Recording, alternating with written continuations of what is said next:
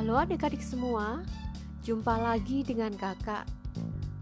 Dongeng yang ingin kakak ceritakan kali ini berjudul Pemerah Susu dan Embernya. Selamat menikmati. Seorang wanita pemerah susu telah memerah susu dari beberapa ekor sapi dan berjalan pulang kembali dari peternakan. Dengan seember susu yang dijunjungnya di atas kepalanya, ia berjalan pulang sambil berpikir dan membayangkan rencananya ke depan. Susu yang aku perah ini sangat baik mutunya, pikirnya menghibur diri. Akan memberiku banyak krim untuk dibuat. Aku akan membuat mentega yang banyak dari krim itu dan menjualnya ke pasar dan dengan uang yang aku miliki nanti, aku akan membeli banyak telur dan menetaskannya. Sungguh sangat indah kelihatannya apabila telur-telur tersebut menetas di ladangku dan dipenuhi dengan ayam-ayam muda yang sehat.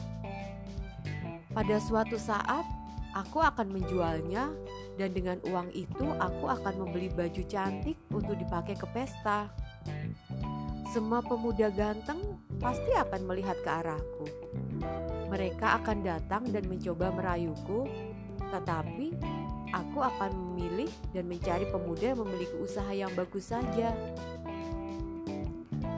Ketika dia sedang memikirkan rencana-rencananya yang dirasanya sangat pandai, dia menganggukkan kepalanya dengan bangga dan tanpa disadari, ember yang berada di kepalanya jatuh ke tanah, dan semua susu yang telah diperahnya mengalir tumpah ke tanah. Sehingga hilanglah semua angan-angannya tentang mentega, telur, ayam, baju, beserta kebanggaannya.